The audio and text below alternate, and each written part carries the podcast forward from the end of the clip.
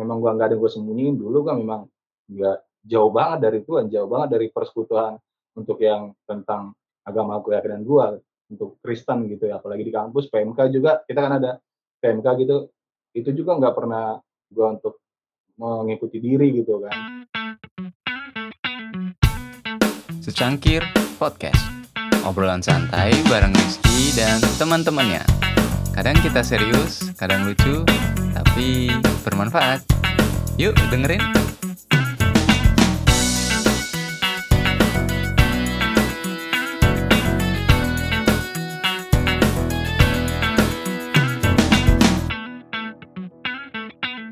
Cek, cek, cek, cek, cek. Halo, selamat datang kembali buat pendengar secangkir podcast di Sekpot. Selamat pagi, selamat siang, sore, malam, atau selamat apa pun buat kalian semua pendengar setia kita. Dan semoga di weekend ini kalian udah ya menikmatilah semuanya weekend. Dan sekarang juga udah mulai the new normal juga besok ada 50% mungkin uh, kantor-kantor sudah mulai buka, sudah mulai masuk. Tapi kantor gue belum kok. Iya gitu. Baik, uh, hari ini uh, pendengar setia Sangkir Podcast. Uh, jadi topiknya bisa dibilang nggak berat-berat amat, nggak ringan-ringan amat gitu. Karena hari ini gue bakal ngobrol sama ini kita lihat nih, uh, Mas uh, Ebzan Hakim Siagian. Jadi Mas Hakim nih, gue gue manggil Mas Hakim ini relation, uh, dia ini relation officer di Pegadaian. Jadi topik yang akan kita bahas ini dari Medan ke Jakarta dengan cinta. Nah, kenapa gue bisa ngambil judul ini? Gue pertama ketemu dia dulu tuh, uh, gue ini orangnya agak seram kalau orang bilang, orangnya seram dulu tuh, mungkin orang bilang kayak gitu gitu. Tapi di pikiran gue ketika pertama ngeliat dia, ini orang lembut gitu dulu. Makanya kenapa gue kasih judulnya dari Medan ke Jakarta dengan cinta gitu. Nah, uh, Mas Hakim kayaknya udah ada di studio Sekpot sekarang. Udah hadir di sini Mas Ebzan Hakim Siagian. Halo Mas Mas Ebzan. Woi, halo. Halo Rizky Artiansa. Halo, selamat datang di Secangkir Podcast, Kim. Oke, mantap. Iya, tadi gue udah sedikit kenalin. Jadi dulu pertama gue ngeliat lu tuh gue nggak mikir lu tuh seram karena gue ngeliat lu tuh orang yang penuh dengan cinta gitu. Dan makin ke sini ternyata emang benar gitu orangnya seperti itu gitu kan. Nah, uh, Kim coba uh, ceritain dulu dong kesibukannya sekarang ngapain? Oke. Halo teman-teman Sekpot Cangkir Podcast. Kenalkan nama gue Ebzan Hakim Siagian. Kalau di kampus itu dipanggil Hakim ya. Tapi sekarang gue lebih banyak moral dingin dengan nama Ebzan, nama pertama gue. Kalau kegiatan sih lagi bekerja di ini ya di Pegadaian dan baru setahun juga baru keterima baru menjalani juga baru belajar belajar di situ dan lulusan dari Sekolah Tinggi Pepajaran Indonesia. Ya, gue dari asal gue dari Medan, merantau ke Jakarta dan masih survive sampai sekarang di ibu kota. Itu sih. Oke, nggak nggak usah nggak usah dipertebal lah tadi yang sekolah tinggi sekolah tinggi itu nggak usah dipertebal gitulah gitu omongan. ya, eh, tadi, tadi lu tuh udah sempat mention juga itu dari lu dari Medan ngerantau ke Jakarta Kim gitu. Mungkin kita bakal ngobrol-ngobrol tentang itu. Terus gue juga pengen bahas kenapa lu bisa sampai sekeren ini sekarang gitu. Wah, Kim ini udah keren banget gitu sekarang gitu. Nah, uh, kenapa lu bisa kepikiran ngerantau ke Jakarta? Wih, ini mau jawabannya secara hati apa secara logika? Iya, dua-duanya lah kalau bisa gitu Oh, kan. dua-duanya ya? Berarti di dalam diri lu ada wanita, ada pria ya gitu, ada logika dan ada sih. perasaan. Ah, boleh. Boleh secara ini psikologinya. Kalau secara logika sih, uh, dulu sempat kuliah juga di Medan, uh, 2 semester ya. Nah, sempat sampingan juga ada kerjaan lah. Nah, tapi 2 semester itu nggak berjalan dengan baik. Mhm. Dan dari ketika di sini kan ada abang gua kandung ya, dan dia kontak calling gua ke sana karena untuk supaya juga mencegah pergaulan gua semakin tidak baik dan gaya hidup. Jadi dia Mmm. calling gua uh, terbang ke Jakarta dengan penawaran diberikan pekerjaan ketika nanti gua kalau udah sampai di Jakarta. Itu cara logikanya. Heeh. Dan gua terbang nih, terbang dua memutuskan ya udah ya gue beranikan diri kalau di sana kerja juga nah, nambah-nambah penghasilan ya lumayan lah. Di umur umur gue udah mulai udah megang penghasilan berapa ratus ribu gitu kan udah seneng. Nah kalau rantau ke Jakarta mungkin bisa merubah nasib. Secara logika sih gitu gue langsung cabut gue beranikan diri. Tanpa pikir panjang. Kalau pakai perasaan gimana, Gim? oh oh my god. Kalau perasaan di satu sisi ini karena gue juga nggak lagi apa berkaitan dengan seseorang wanita ya. Jadi gue bisa jujur aja di sini. Uh, paling sih gue apa ya ada satu seorang wanita perempuan yang pas zaman gue SMA gue Heeh. menyukai dia gitu kan. Sampai sampai ketika udah nggak berhubungan dia asli Jakarta tapi sekolahnya di Pematang Siantar di kota gua.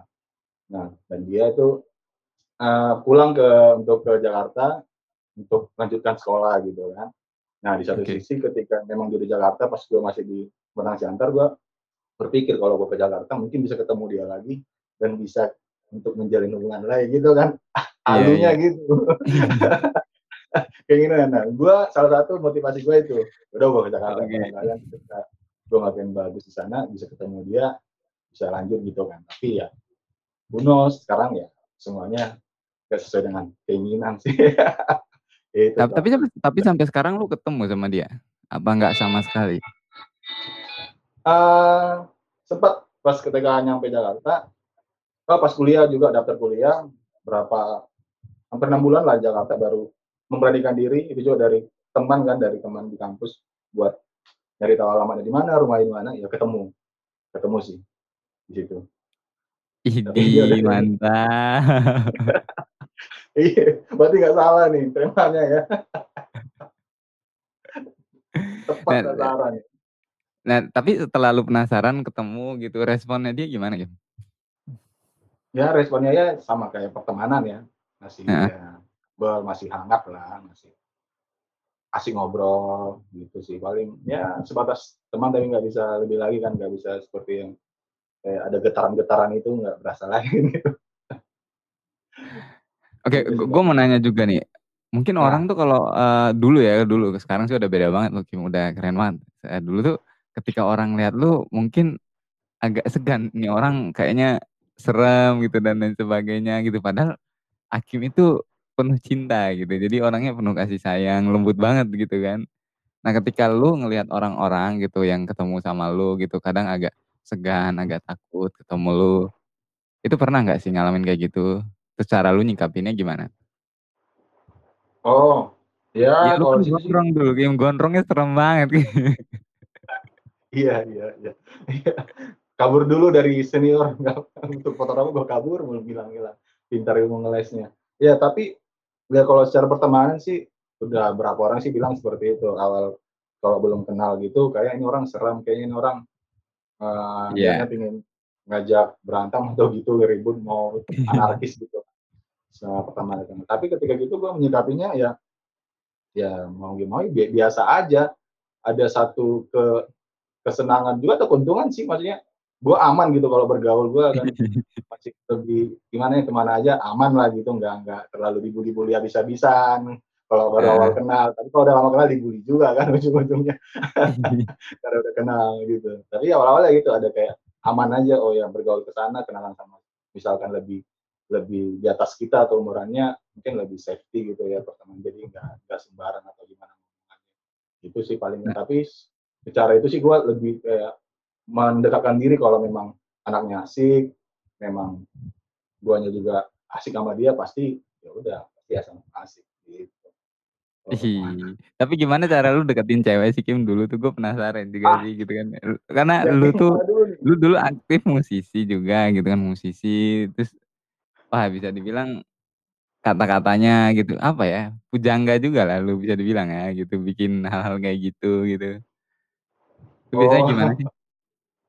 sejauh ini sih kalau pas zaman gue yang SMA ya betul secara itu gue selalu mengandalkan performance sih ketika yang punya band gitu kan kita main Mm-mm. kesempatan ngajak PDKT-nya dia datang ya udah di situ kesempatan gue buat untuk nunjukin gue punya rasa gitu sama dia.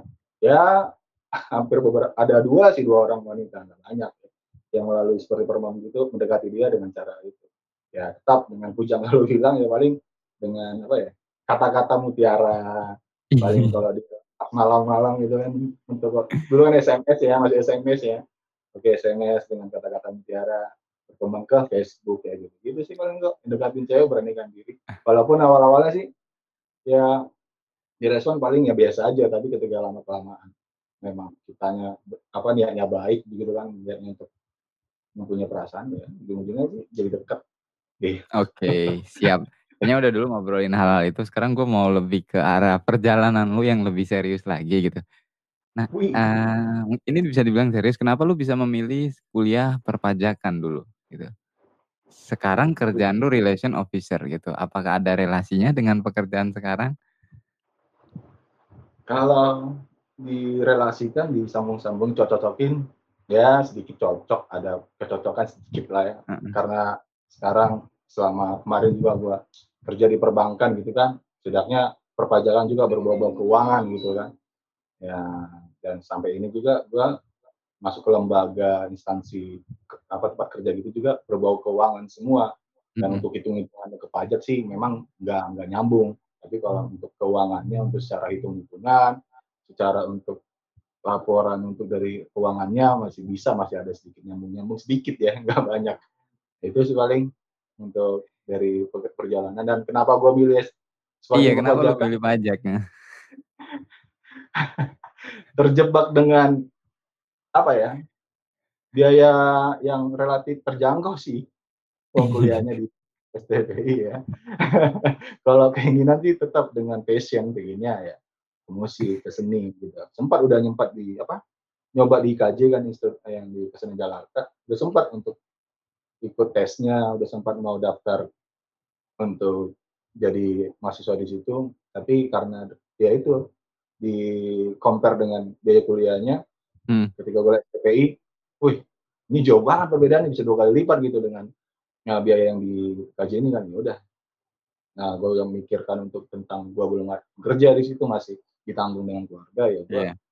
cara ambil keputusan dengan bijaksana aja ya udah gue masuk ke STPI aja dengan nekat dari brosur ya gue ambil aja udah ya bukan passion sih tapi ya itu karena biaya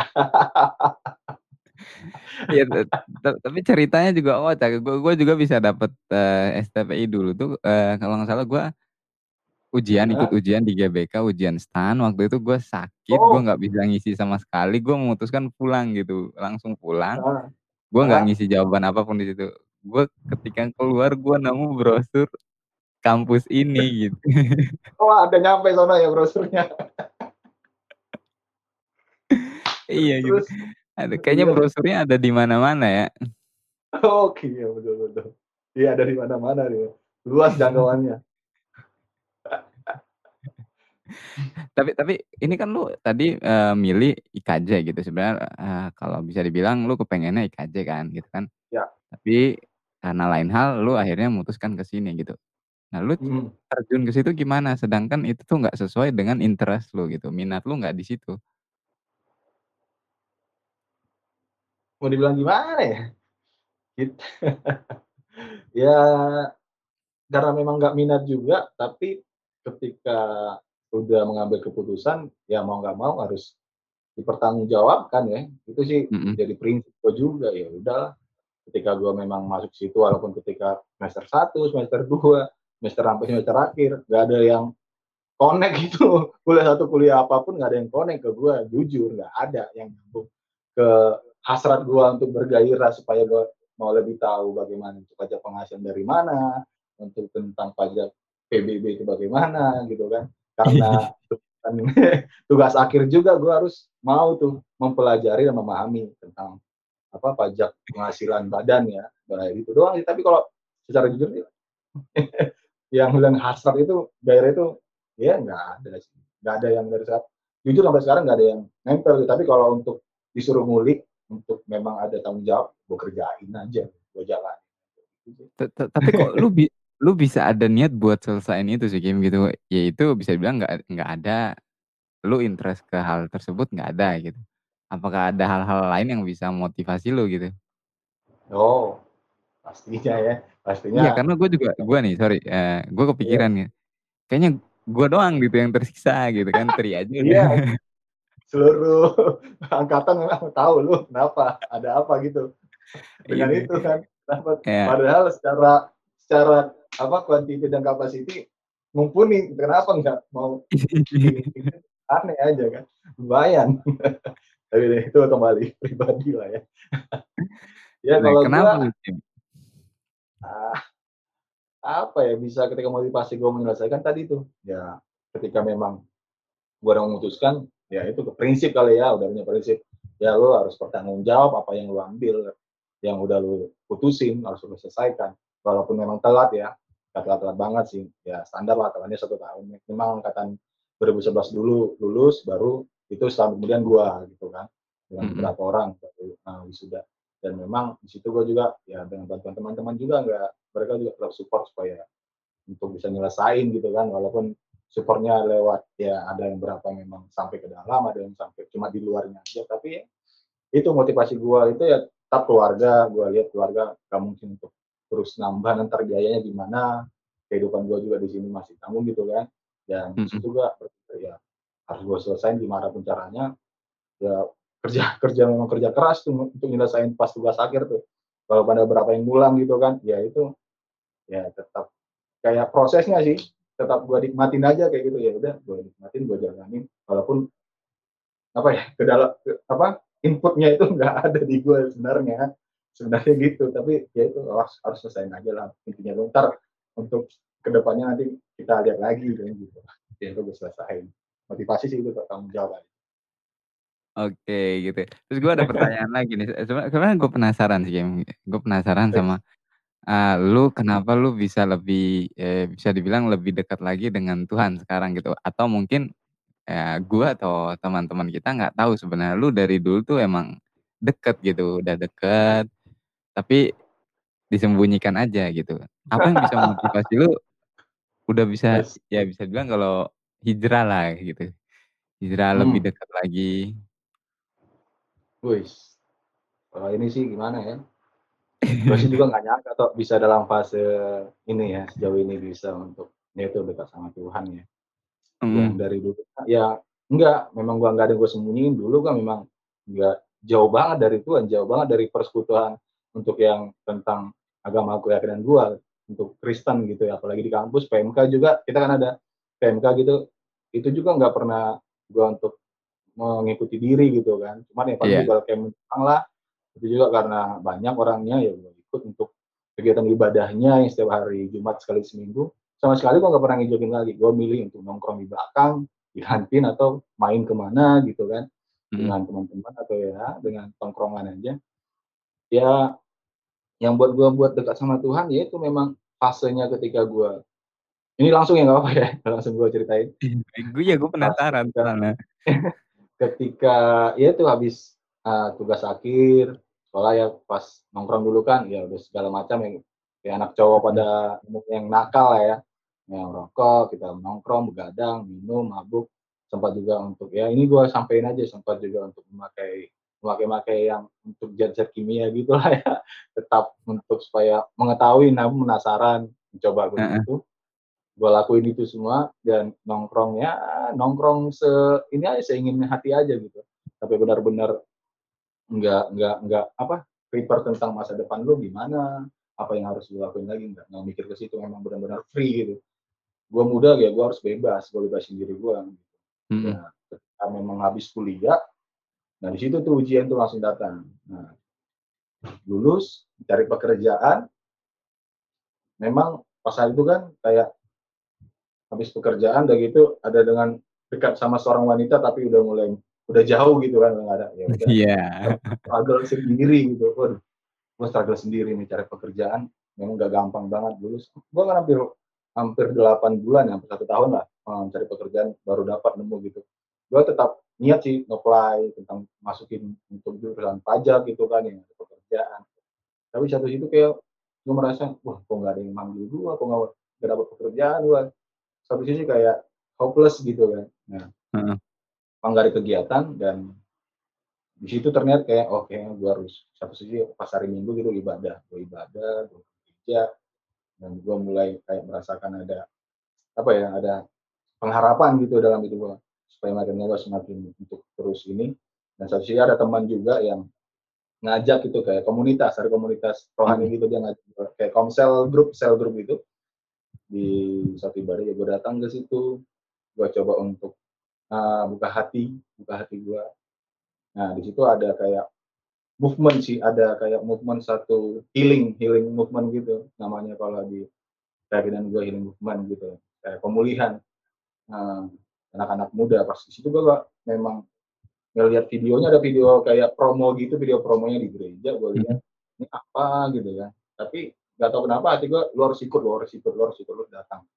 Aja lo nggak ada kegiatan apa itu hari Sabtu ya, gue ingat banget hari Sabtu dari pagi itu acaranya seharian pagi ke sore gue datang sendiri gue datang nggak nggak ada temen gue sendiri memang kayak terpanggil aja gitu ter lu harus ikut harus datang gitu ya. Sabtu pagi itu jam 8 gue prepare jam 7 gue datangin tuh gereja. Memang du dari dulu gue gereja juga sekali seminggu juga syukur-syukur ya kalau mau ibadah mingguan gitu. Syukur banget. Iya. mau doa apa lagi? Paling doa doa makan doang kan. Ya doa makan tapi sejauh itu nggak pernah. Nah ketika itu gue ngeliatin diri memang gue oh, pengharapan gue ke mana lagi? Nggak ada kegiatan ya udah gue ikut datang. Nah di situ tuh kan ada sesi-sesinya nih healing. Jadi kita kayak di apa ya kayak di memang benar direstorasi dari dalam diri kita. Yeah. kayak di flash apa kehidupan kesalahan apa memang tentang gambar diri tentang keluarga tentang uh, pergaulan tentang semua lah kehidupannya. Di situ tuh ketika gue digali digali digali ketika berdoa tiba-tiba itu gue tiba-tiba nggak sengaja yang nggak sengaja yang nggak ingin juga bukan nggak mau cengeng juga kan. Laki-laki gue cengeng tiba-tiba gue nangis ketika doa. Ketika ada suatu sesi yang benar-benar kayak ke keluarga gue gitu gue kan salah satu yang bokap sama nyokap gue kan gue gue suka terbuka di sini aja. Nah, itu memang udah broken ya udah nggak sejalan lagi broken. Di situ gue kayak orang keluarga gue gini kehidupan gue seperti ini. Gue kayaknya apalagi gitu harapan gimana gitu. Ketika gue di sesi itu udah bener gue ke bokap memang jauh saat itu kan. Memang gak ada yeah. hubungan. Apa kompleks kita itu selalu kontra dalam hal kekeluargaan karena bokap juga orangnya suka. Ya itulah pergaulan juga minum apa segala macam masih masih banyak kepahitan yang gue simpan ke khususnya bokap. Kalau nyokap sih ke bokap doang. Kepahitan banyak banget ya gitu. Ya di sesi, sesi itu udah benar kayak kalau memang ada kepahitan sama orang tua lepaskan hari ini gitu. Kan lepaskan pengampunan wah kok kena banget nih buka pas video gue lihat waduh. Hati bapak hmm. kembali ya gitu kan. Dan hati anak harus kembali ke bapaknya. Di situ tuh gue langsung kayak direstorasi hati gue kayak ditampar nangis gue kayak di nangis nangis nangis nangis. Jadi jadinya gue nangis itu bang. Dari kanan kiri gue nangis aja. Gue kayak wah tapi setelah nangis gue merasa kayak plong gitu lega banget perasaan gue hati gue nah, kayak iya. merasa ada yang lepas gitu. Nah dari situ tuh dari sesi berikutnya gue ikutin sampai akhir gue selesai terus untuk healingnya satu harian. Dan di situ tuh baru. Kayak ada satu hal manifestasi yang buat gue wah gue harus rajin ibadah nih. Gue harus kayak sering doa nih. Iya lebih benar lagi lah. Ah gitu. Gue harus doain keluarga gue juga keluar doain bokap gue gitu bokap gue bang gue gitu kan. Karena mereka yang gue punya gitu. Gua nah, makanya dari situ gua punya komitmen di umur 25 tahun setelah dari apa lulus dari STP 25 tahun gua kayak di kita itu kan kayak ada apa ya itu tadi yang lu bilang hijrah kayak komitmen supaya hidup baru gitu. Iya betul. jadi kayak kalau kita kalau secara pelajaran agamanya itu sakramen baptis gitu ya. Mau Katolik atau Protestan itu mempercayai itu. Jadi sakramen baptis gue dibaptis gue TK 25 tahun gitu. Gue ngambil udah lima tahun nih waktu yang pas nih lima tahun gue untuk putar balik okay. arah kehidupan gue dengan dengan Tuhan gitu udah dari situ iya, bi bisa dibilang Kim bi bisa dibilang lu udah ngelewatin quarter life crisis lu lah gitu kan lu udah oh, ngelewatin 25 ya, tahun wah itu hmm. wah gue udah tahu nih gue harus ke mana setelah ini gitu makanya akhirnya sekarang hmm. lu udah bisa fokus kerja terus nggak nggak terbebani oleh hal-hal lain lagi kan kayak ibadah lu ya udah plong aja kan jadinya mau ya, gitu. Tinggal betul. sekarang lu ngejalaninnya gimana nih Kim? Plan lu gimana ke depannya Kim? Ada plan gua karena ketika kan udah masuk dalam hal melayani ya di gereja juga, jadi kayak ya gua lanjut S2 lah bagian teologinya gitu kan. Ada keinginan juga memperdalam ke situ. Untuk menambah wawasan, untuk juga untuk supaya bisa apa ya? Ya to be witness-nya yang menjadi saksi juga buat generasi anak-anak muda sekarang. Kalau gua bisa diubahin dari hal yang apa dari hal yang gelap yang ke terang, kenapa lu nggak bisa gitu. Gue pengen memperdalam dengan wawasan, menambah wawasan gue sih, pengen lanjut ke sekolah itu, ke training gue ke depannya, ya tetap jaga hidup lah, jaga gaya hidup juga. itu sih Atau lu mungkin sih. mungkin nulis buku Kim From Zero to Hero seperti judul yang lu inginkan tadi. Be- belum belum sih, masih lebih senang ini ya apa? Lebih ke lagu gitu kalau misalnya dapat sesuatu ketika lagi sendiri, dapat satu apa paling oh buatin lagu aja kata-katanya, kadang genjreng-genjreng cuma sebaik apa sepenggal sepenggal ada baiknya gitu. Coba kayak gitu. Itu sih paling kalau untuk nulis masih belum dapat feelnya sekarang. Mungkin ntar mudah-mudahan sih. Tapi, kalau buat jackpot nanti kalau kita request uh, mainin lagu bisa bisa lah. Mainin gitarnya yang di Oh. belakang kita ngeliat gitar gitu kan bisa kan nanti di akhir-akhir sesi oke diusahakan semoga nggak Siap. fales ya tapi masih pasti fales sih. Oke, oke, gue lanjut nanya lagi Kim. Nah, masih ada juga Oke. di pikiran gue nanya gitu.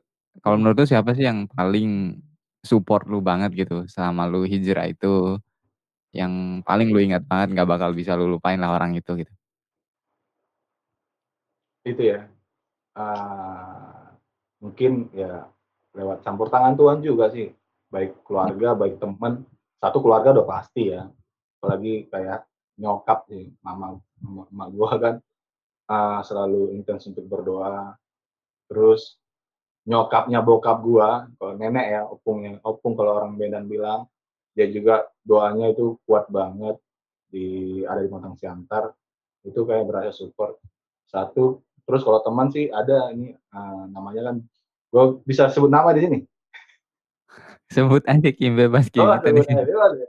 kalau di sini dia ada satu kosan juga transfer dari Riau mungkin campur tangan tuan namanya Jamot Sinaga nah dia yang perkenalkan gua bawa gua ke suatu sampai gue bertahan di pelayanan di gereja gitu ya. Itu campur tangannya Tuhan. Namanya dari dia gua bisa terlibat di komsel atau di komunitas rohani.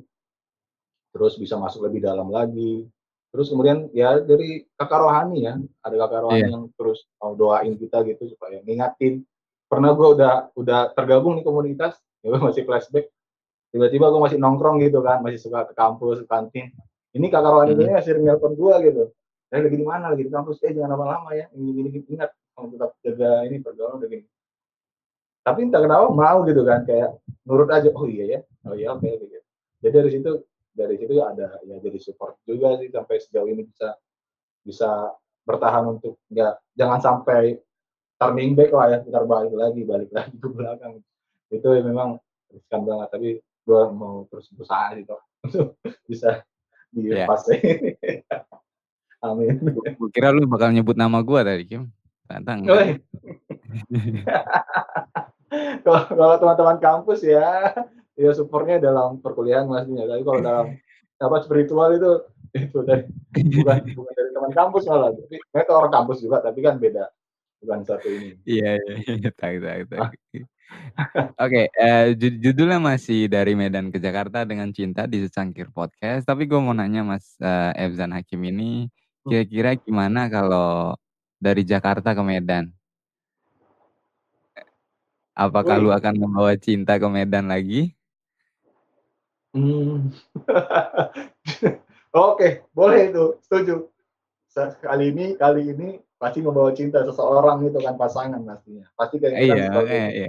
bawa cinta ke sana dengan mengenal keluarga. Maunya sih kayak gitu. Mungkin ya di tahun depan lah ya. Mungkin tahun ini masih fokus buat mengumpulkan dulu niatnya. Tapi tahun depan Mantap. tapi kita doakan aja tuh betul Ja- dibalik lagi jangan kemudian dengan cinta. Oh bagus nih temanya nih. Gokil. Iya, entah itu. entah itu bawa cinta atau bawa buah dari cintanya kan bisa aja kan. Oh, gitu iya. kan. amin, amin, gua aminin nih. Amin, amin, amin. Wah, gokil. Oke Kim, eh, itu udah ngobrol-ngobrol tentang topik utama kita. Sekarang gue udah mulai masuk nanya-nanya mungkin tentang ya hal-hal yang lebih santuy lagi lah, lebih personal Oh, boleh. mungkin gitu. Kayak lu sekarang lagi penasaran sama hal apa sih Kim? Hal. Iya. Ah, Ini lagi COVID nih. Lagi COVID apa oh, gitu sebagainya. Enggak enggak temanya enggak, enggak harus COVID. Tapi ya yang lu bikin penasaran banget sekarang ini apa gitu? sejauh ini sih gue nggak nggak orang yang terlalu ini penasaran juga sih. Tetapi kayak men- kalau memang terjadi ya terjadilah gitu. Kalau penasaran dengan COVID, eh, kayak kemarin juga ada ketika itu apa ter- apa memang benar-benar benar langsung kayak PSBB segala macam. Gue menyikapinya sih biasa aja gitu. Ya mungkin beberapa orang, tapi pribadi gue kayak ya ini mah biasa aja mungkin. Tapi di dalam pemikiran yang gak baik gue tuh kayak ada unsur politik juga sih di sini yang konspirasi segala macam. Tapi nggak terlalu gue dalemin. Tapi ya udah gue tetap coba untuk menjalani hidup gue aja deh. Ya tetap protokol gue ikutin masker, cuci tangan tetap gue ikutin himbauan pemerintah juga. Nggak nggak nggak kumpul-kumpul dulu, nggak ke mana-mana gitu kan. Paling ya tetap bekerja juga kan. Kemarin kita juga bekerja masih aktif banget yang jarang WFA juga sempat paling cuma dua minggu lah awal-awal. Setelah itu kita Hmm. aktif kerjanya itu tetap benar-benar full setiap hari masuk. Udah gitu ketemu ketemu nasabah yang setiap hari membludak di di kantor itu ya kan di di mana di pegadaiannya gitu dan ketika itu membludaknya dan gitu umur-umur mereka juga ya ada yang udah 40 ke atas, relatif udah orang-orang Iya. tua gitu. Dan gue menghadap, menghadapi situasi seperti itu dalam pandemi gitu. Dan gue merasa ya bukan karena kekuatan juga, mungkin udah memang perlindungan Tuhan pasti satu. Tapi dalam satu sisi ya aman gitu, nggak nggak terlalu ya gue nggak penasaran dalam COVID ini ya itu memang ada unsurnya yang pasti di benak gue ya pasti ada lah Iya. konspirasi atau segala macam apalah ya itu yang gue tapi penasaran nggak ada kok nggak ada Oke, berarti ini Mister tanpa penasaran. Tapi kalau selain kerja sekarang lu kalau lagi waktu senggang itu ngapain sih Kim? Ya itu kita komunitas. Jadi kayak gue pribadi juga aktif di komunitas ini kita sering banyak ngelakuin kegiatan. Apalagi sekarang kan uh, udah semuanya di rumah aja apalagi melalui online semua sering kita untuk pembahasan tentang untuk awalnya apa apalagi anak muda gitu kita bahas untuk gimana sih kegi- kegiatan rohani untuk Iya. anak-anak muda yang ini ya baik media sosial baik melalui zoom baik melalui live Instagram kita terus lakuin juga itu setiap minggu nah itu sih paling dibahas kita meeting melalui zoom seperti ini kita untuk uh, apa bagi-bagi ide apa sih yang harus kita lakuin yang kita ide kreatif gitu gimana ya share-share seperti itu ya selain itu paling di kos ya paling ya ngulik-ngulik paling dengar lagu ya semuanya paling ya itu doa segala macam gitu itu sih Oke. Nah, gue masih ada masih nangkap lagi pertanyaan dari kalau kalau boleh jujur Kim, yang lu pelajari dari diri lu sendiri itu apa sih Kim? Diri sendiri ah yang gue pelajari gue tangkap Iya dari diri ya lu paham. sendiri. gue harus Apa? belajar belajar terus kan dengan diri gue tapi yang gue dapat dari diri gue dengan ini ya so tadi tanggung jawab komitmen sama punya prinsip aja gitu. itu sih yang yang, yang dari dulu ya Hmm. yang dari dulu yang udah tertanam di diri gue itu dan sekarang gue ngasahnya untuk supaya lebih mendalam aja supaya Iya, lebih dewasa aja. lagi gitu ya. Oke. Terus nih, gue mau nanya lagi nih. Lu kan tadi mau ke IK, IKJ sebenarnya minatnya lah seni kan, minat lu di seni gitu. Terus lu Hmm. terjun ke pajak dan sekarang lu kerjanya sebagai relation officer gitu. Hmm. Nah, otomatis lu sekarang lebih fokus ke relation officer ini kan, kerjaan kan, gitu Ya, kan. Terus lu juga aktif di komunitas tadi gitu. Nah, apa hal Ya. yang lu harapkan bisa tahu lebih awal ke sebelum lu terjun ke hal-hal tersebut gitu, ke relation officer, ke komunitas. Ada hal nggak yang lu harapin, oh gue udah tahu nih dari awal, jadi ketika gue terjun, gue nggak Hmm. perlu ribet lagi. Oh. Oh. Se- semuanya yang itu sih tuh suddenly ya semuanya itu terjadi tiba-tiba Mhm. yang nggak ada gue planning kan karena gue orangnya nggak nggak pernah punya perencanaan gitu untuk ke depannya seperti apa gue nanti harus melakukan apa kayak semuanya tiba-tiba gitu ya memang ketika gue juga bekerja di situ juga ketika itu tiba-tiba datang infonya dari internet gue mencoba-coba karena pas di pekerjaan sebelumnya gue merasa gue harus uh, memperbaiki sedikit karir gue atau untuk jam kerja gue karena kan dulu shifting gitu gue ingin yang kerja normal. Nah Mhm. gue mencoba memberanikan diri ternyata diterima gitu. Puji Tuhan gitu kan. Dan untuk yang komunitas juga gak ada gue pikirin dari dulu itu. Gak ada yang saat ini yang gue jalanin yang gak, gak pernah gue rencanain gitu. Belum ada yang gue rencanain itu ya justru tadi. Ya tapi masih berusaha. Tekad gue itu kayak kerinduan pengennya itu kemarin udah satu udah uh, rilis single lagu bisa untuk recording karya sendiri sama bareng teman gitu kan teman di gereja juga. Nah itu pengen dari kuliah. Nah itu udah udah terwujud nah, untuk uh, rilis single. Dan sejauh ini ya passion masih pengen terus lagi ada karya-karya berikutnya sih dalam hal berkarya aja gitu. Tapi kalau yang dua tadi suddenly tiba-tiba semua nggak ada rencana gue mau, mau kerja apa gue? Nanti gue apa nggak ada tuh di pikiran gue gue aja ya udahlah jalanin Iya, iya, gue tahu, gue tahu. Oke, eh, gue masih ada satu pertanyaan sebelum kita masuk ke acara utama yaitu sebuah pentas dari Mas Ebzan nanti kan oh lagu. ah, Kim, ini pertanyaan terakhir nih sebelum kita pentas masuk kuis. Ada hal hmm, yang harusnya gue tanyakan, tapi nggak gue tanyakan nih selama podcast ini ke lo. Hmm, udah hampir semua sih tuh pertanyaan baik pekerjaan. Ya, ada nggak yang harus harus gue tanyakan ke apa aja, Kim? Tapi nggak gue tanyakan. apa ya? Ah, enggak sih gue sangat sampai sejauh ini pertanyaan juga sangat surprise juga semua. Dan dan bisa gue jawab-jawab dengan ngeles-ngeles dengan pikiran gue semuanya semuanya udah semua semua udah udah dari passion pekerjaan hobi. Ya mungkin ada apa aja, Kim? Kita ya pertanyaan lah gitu yang ya pertanyaan. heeh. oh apa maksudnya? Ah, mungkin gini ya. Kalau gue jadi lu mungkin gue bertanya apa sih yang lu harapkan ketika lu berada di eh, keadaan atau di pekerjaan atau di pelayanan sekarang ini gitu sih Oke, harapan silakan dijawab.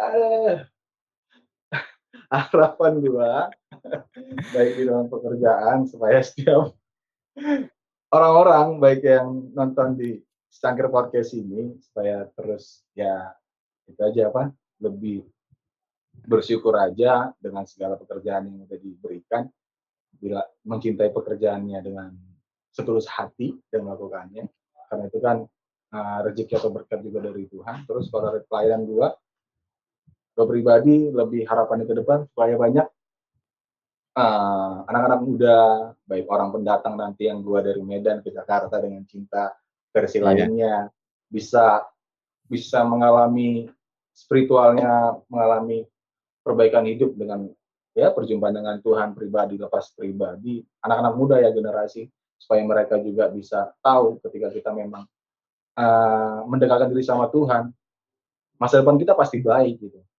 Pasti baik pasti baik dan itu nggak bohong. Hmm. dan memang itu yang harus kita lakuin. Memang secara pribadi kan lepas kembali ke pribadi tetap harus kita lakuin ya. Mendekatkan diri sama Tuhan itu pasti baik banget. Pasti kehidupan kita gaya hidup kita pergaulan kita pasti semuanya itu jadi baik gitu ya menurut kita baik mungkin orang lain berapa yang belum baik tapi kita yang merasakannya dan sekitar kita paling itu sih Dok. Super sekali sudah dijawab oleh Mas Ebzan pertanyaan dari dirinya sendiri.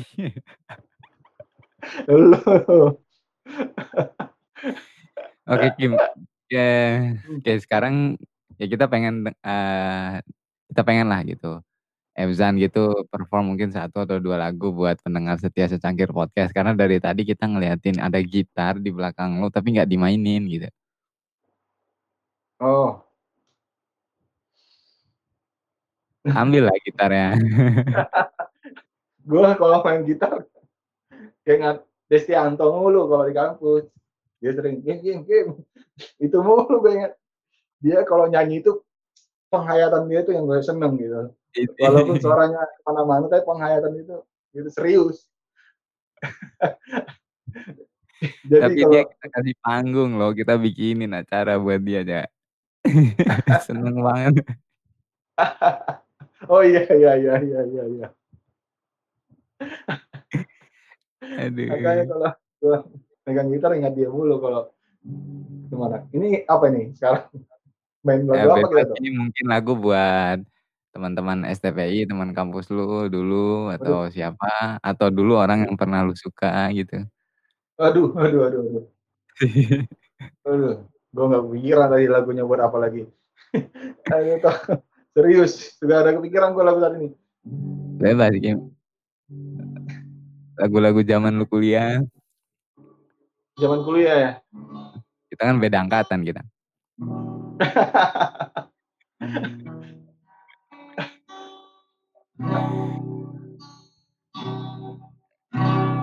paling dulu kan sering-sering main-main lagu slang ya. Kalau lagi kita nampil atau perform gitu pasti kita slang sih. Ya udah satu lagu slang.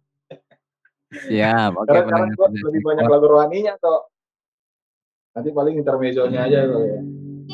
Siap. Oke okay, ini kita bahas sebuah lagu dari slang terlalu manis ya. Terlalu manis kita untuk lupakan semuanya. Tapi bisa kembali manis. Ketika kita bisa ngobrol bareng di Starter Podcast. Siap. Oke. Okay.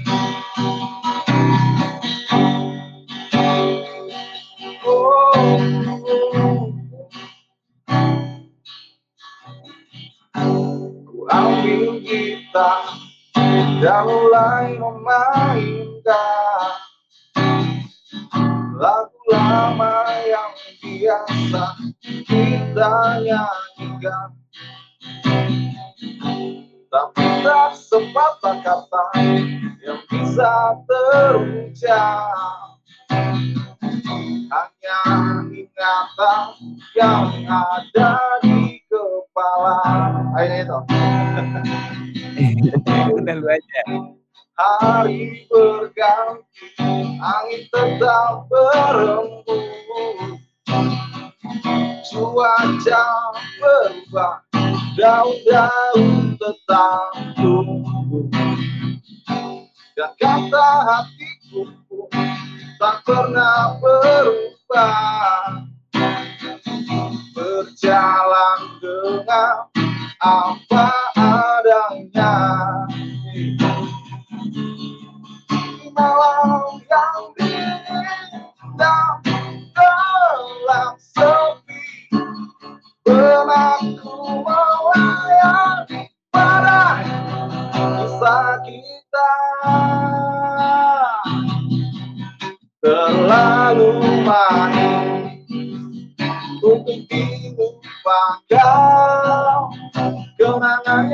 indah bersamamu dalam mimpi. Terlalu manis untuk dilupakan. Walau kita memang tak saling cinta takkan terjadi. Terlalu manis untuk dilupakan kenangan yang indah secangkir podcast takkan ku lupakan. mantap. Thank you, thank you Mas Hakim udah nyanyiin lagu buat secangkir podcast. Ini lu yeah, orang yeah. ketiga yang nyanyiin gua secara live ini. Oh gitu ya? Wih, Iya pertama, pertama kalau nggak salah Imam. Imam. Oh, Kedua si Tisa, Tisa Biani. Ketiga baru lu. Mungkin passionnya di situ ya, masing-masing ya. Oke, oke. Tapi gue belum nyanyi nih. Karena nggak ada yang nyanyiin Sheila on Seven, Kim. Gue nggak. Oh iya, betul. Nyanyi. kan duta banget. Siap, thank you Lu- banget Kim udah nyanyiin. Sekarang kita lanjut lagi. Biasanya di Boleh. penghujung eh, segmen kita itu ada tiga pertanyaan. Kim kita nanya-nanya seru-seruan gitu kan. Lu nggak harus jawabnya benar apa salah gitu. Ya lu Hmm. jawab aja gitu. Nanti sebagai gantinya kita kirimkan merchandise ke Abang Ebzan Hakim gitu dari. Podcast. Oke, pertanyaan pertama Kim. Oke. Asik. Eh, gimana cara lu jelasin ke orang yang nggak tahu warna, orangnya nggak tahu Hmm. warna, warna biru? Nggak tahu warna apa buta warna? Ya bisa dibilang kayak gitulah, sorry. Bisa dibilang kayak gitu. Oh, nggak tahu warna. Nah, gimana cara lu jelasin ke dia? Tapi bisa bisa mendengar segala macam, bisa ngomong juga di orangnya. Warna biru. Warna biru. Biru. Biru bahasa Inggrisnya blue ya. Blue. Blue. Asik. Dia nggak. Paling gua lebih nanti kayak nyanyi sih nyanyi. nyanyi. Nyanyi. Kayak kayak lirik kalau nggak nyanyi mungkin dia tahu. Oh iya itu itu warna biru maksudnya gitu. Begitu sih. Paling nyanyinya mau tahu nggak dia gimana? Biar gue nyanyi ini. Tapi agak agak garing tapi ya. Ini di benak gua. Oh, iya iya makanya gimana gimana makanya gue bingung gimana coba. Biru itu blue. Berarti gue harus nyanyi gini supaya dia tahu gue lagi pengen ngasih tahu ini warna apa ini warna biru gitu dalamnya ada Nah, biru. gimana? biru blue Blukah hatimu Blukah sedih garing ya kan buka blue blue ya warna biru itu paling tuh gue nyanyi Bluka oh maksudnya biru nih oh iya maksudnya jangan biru sorry sorry sorry teman-teman saya pada agak garing tapi gue berusaha untuk Nah, tapi tapi bisa di gue kasih clue deh biar lu mungkin bisa jawab. Eh, jelasinnya Hmm. pakai rasa, Kim. Mungkin kayak warna Oh. merah rasanya berani, panas. Kalau biru Hmm. gimana? biru biru itu kayak lebih apa ya lembut soft gitu lah lembut Oke, Lembut iya. Kebanyakan orang bilang biru itu lembut, soft. Hmm. Eh, Iya dari udah 20 lebih tamu-tamunya secangkir Oh. podcast kebanyakan bilang kayak gitulah gitu, lembut, Oke, soft. berarti founder dari sekpot apa ini sekpot ini lembut ya sepertinya Oke, Kim. Eh, tapi sebenarnya jawaban yang kita pengen itu sebenarnya simpel gitu. Ketika Hmm. kita nyebut biru, kita pengen orang itu ingatnya secangkir podcast gitu kan. wow boleh boleh Iya karena ini kan warna biru. Oh iya betul oh iya ini ya sip sip baru nggak gua Iya, pertanyaan kedua, Kim. oke Ah, sekarang lu berada di laut. Lu berada di laut. Apa yang lu rasakan? laut ya. Lebih senang di gunung sih kalau kesenangan kalau di laut. Yang gue rasain apa? Biasa aja udah. Di Bisa laut aja.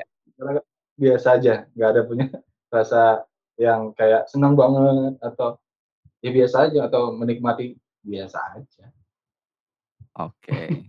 Terus lu lagi di laut ini pertanyaan terakhir. Lu lagi di laut, tiba-tiba ada Hmm. burung nih, burung camar terbang. Apa yang lu pikirkan ketika lu ngeliat burung itu? burung ya wih gue kalau lihat burung sih ngelihatnya kebebasan sih ya freedom mereka itu kan burung gue lihat gitu kayak bebas aja mereka apalagi ya kalau ngeliat di laut ya berarti merasa mereka merasa bebas aja di uh, alam gitu ya bebas mereka terbang ke sana ke sini tanpa banyak gedung-gedung tinggi kali gitu. Itu sih paling. Oke Kim, gimana udah dijawab semuanya tiga pertanyaan dari secangkir podcast. Jadi itu biasanya kita seru-seruan aja Kim. Terus yang terakhir kita ucapin thank you banget Kim udah mampir di secangkir podcast. Wah, tapi sangat. Tapi ya kita pengen uh, lu ngasih ya ada sedikit saran mungkin buat teman-teman secangkir podcast di penghujung acara ini. Tips dan trik oh. dari lu gitu. Atau apa pun yang ingin lu sampaikan ke teman-teman pendengar secangkir podcast Kim. Okay. buat Stangger Podcast, thank you udah untuk invite join di sini juga. Dari suatu uh, kehormatan juga, eh, honor juga ya bisa diundang di antara banyak-banyak yang bisa join dan gua bisa diajak juga menjadi sebuah kayak merasa terima kasih banget lah. Dan untuk pendengar-pendengar Sekpot juga pasti dari ketika melihat gua ada di sini, gua lebih kayak bukan untuk membanggakan diri tapi untuk menceritakan tentang perjalanan hidup setiap kita beda-beda memang tapi tetap satu tujuan yang sama sih untuk menemukan sebuah uh, kedamaian atau hal yang bisa mendamaikan kita menenteramkan kita ya lebih banyak kalau itu ya lebih banyak doa aja di mana pun berada tetap ingat pencipta kita Tuhan mendekatkan diri sama Tuhan itu lebih baik lagi karena di, ketika kita mendekatkan diri sama Tuhan kita bisa menemukan jati diri kita yang sebenarnya siapa dan bisa menemukan pengharapan yang baru, sesuatu hal yang baru yang benar-benar kita nggak nyangka bisa kita lakuin gitu. Dan hmm. buat teman-teman sekot semoga semuanya bisa ya bisa semuanya sukses, berhasil, beruntung dan diberkati lah. Paling itu doang. Siap, thank you Bang Hakim buat pesannya oh, buat teman-teman Sekpot.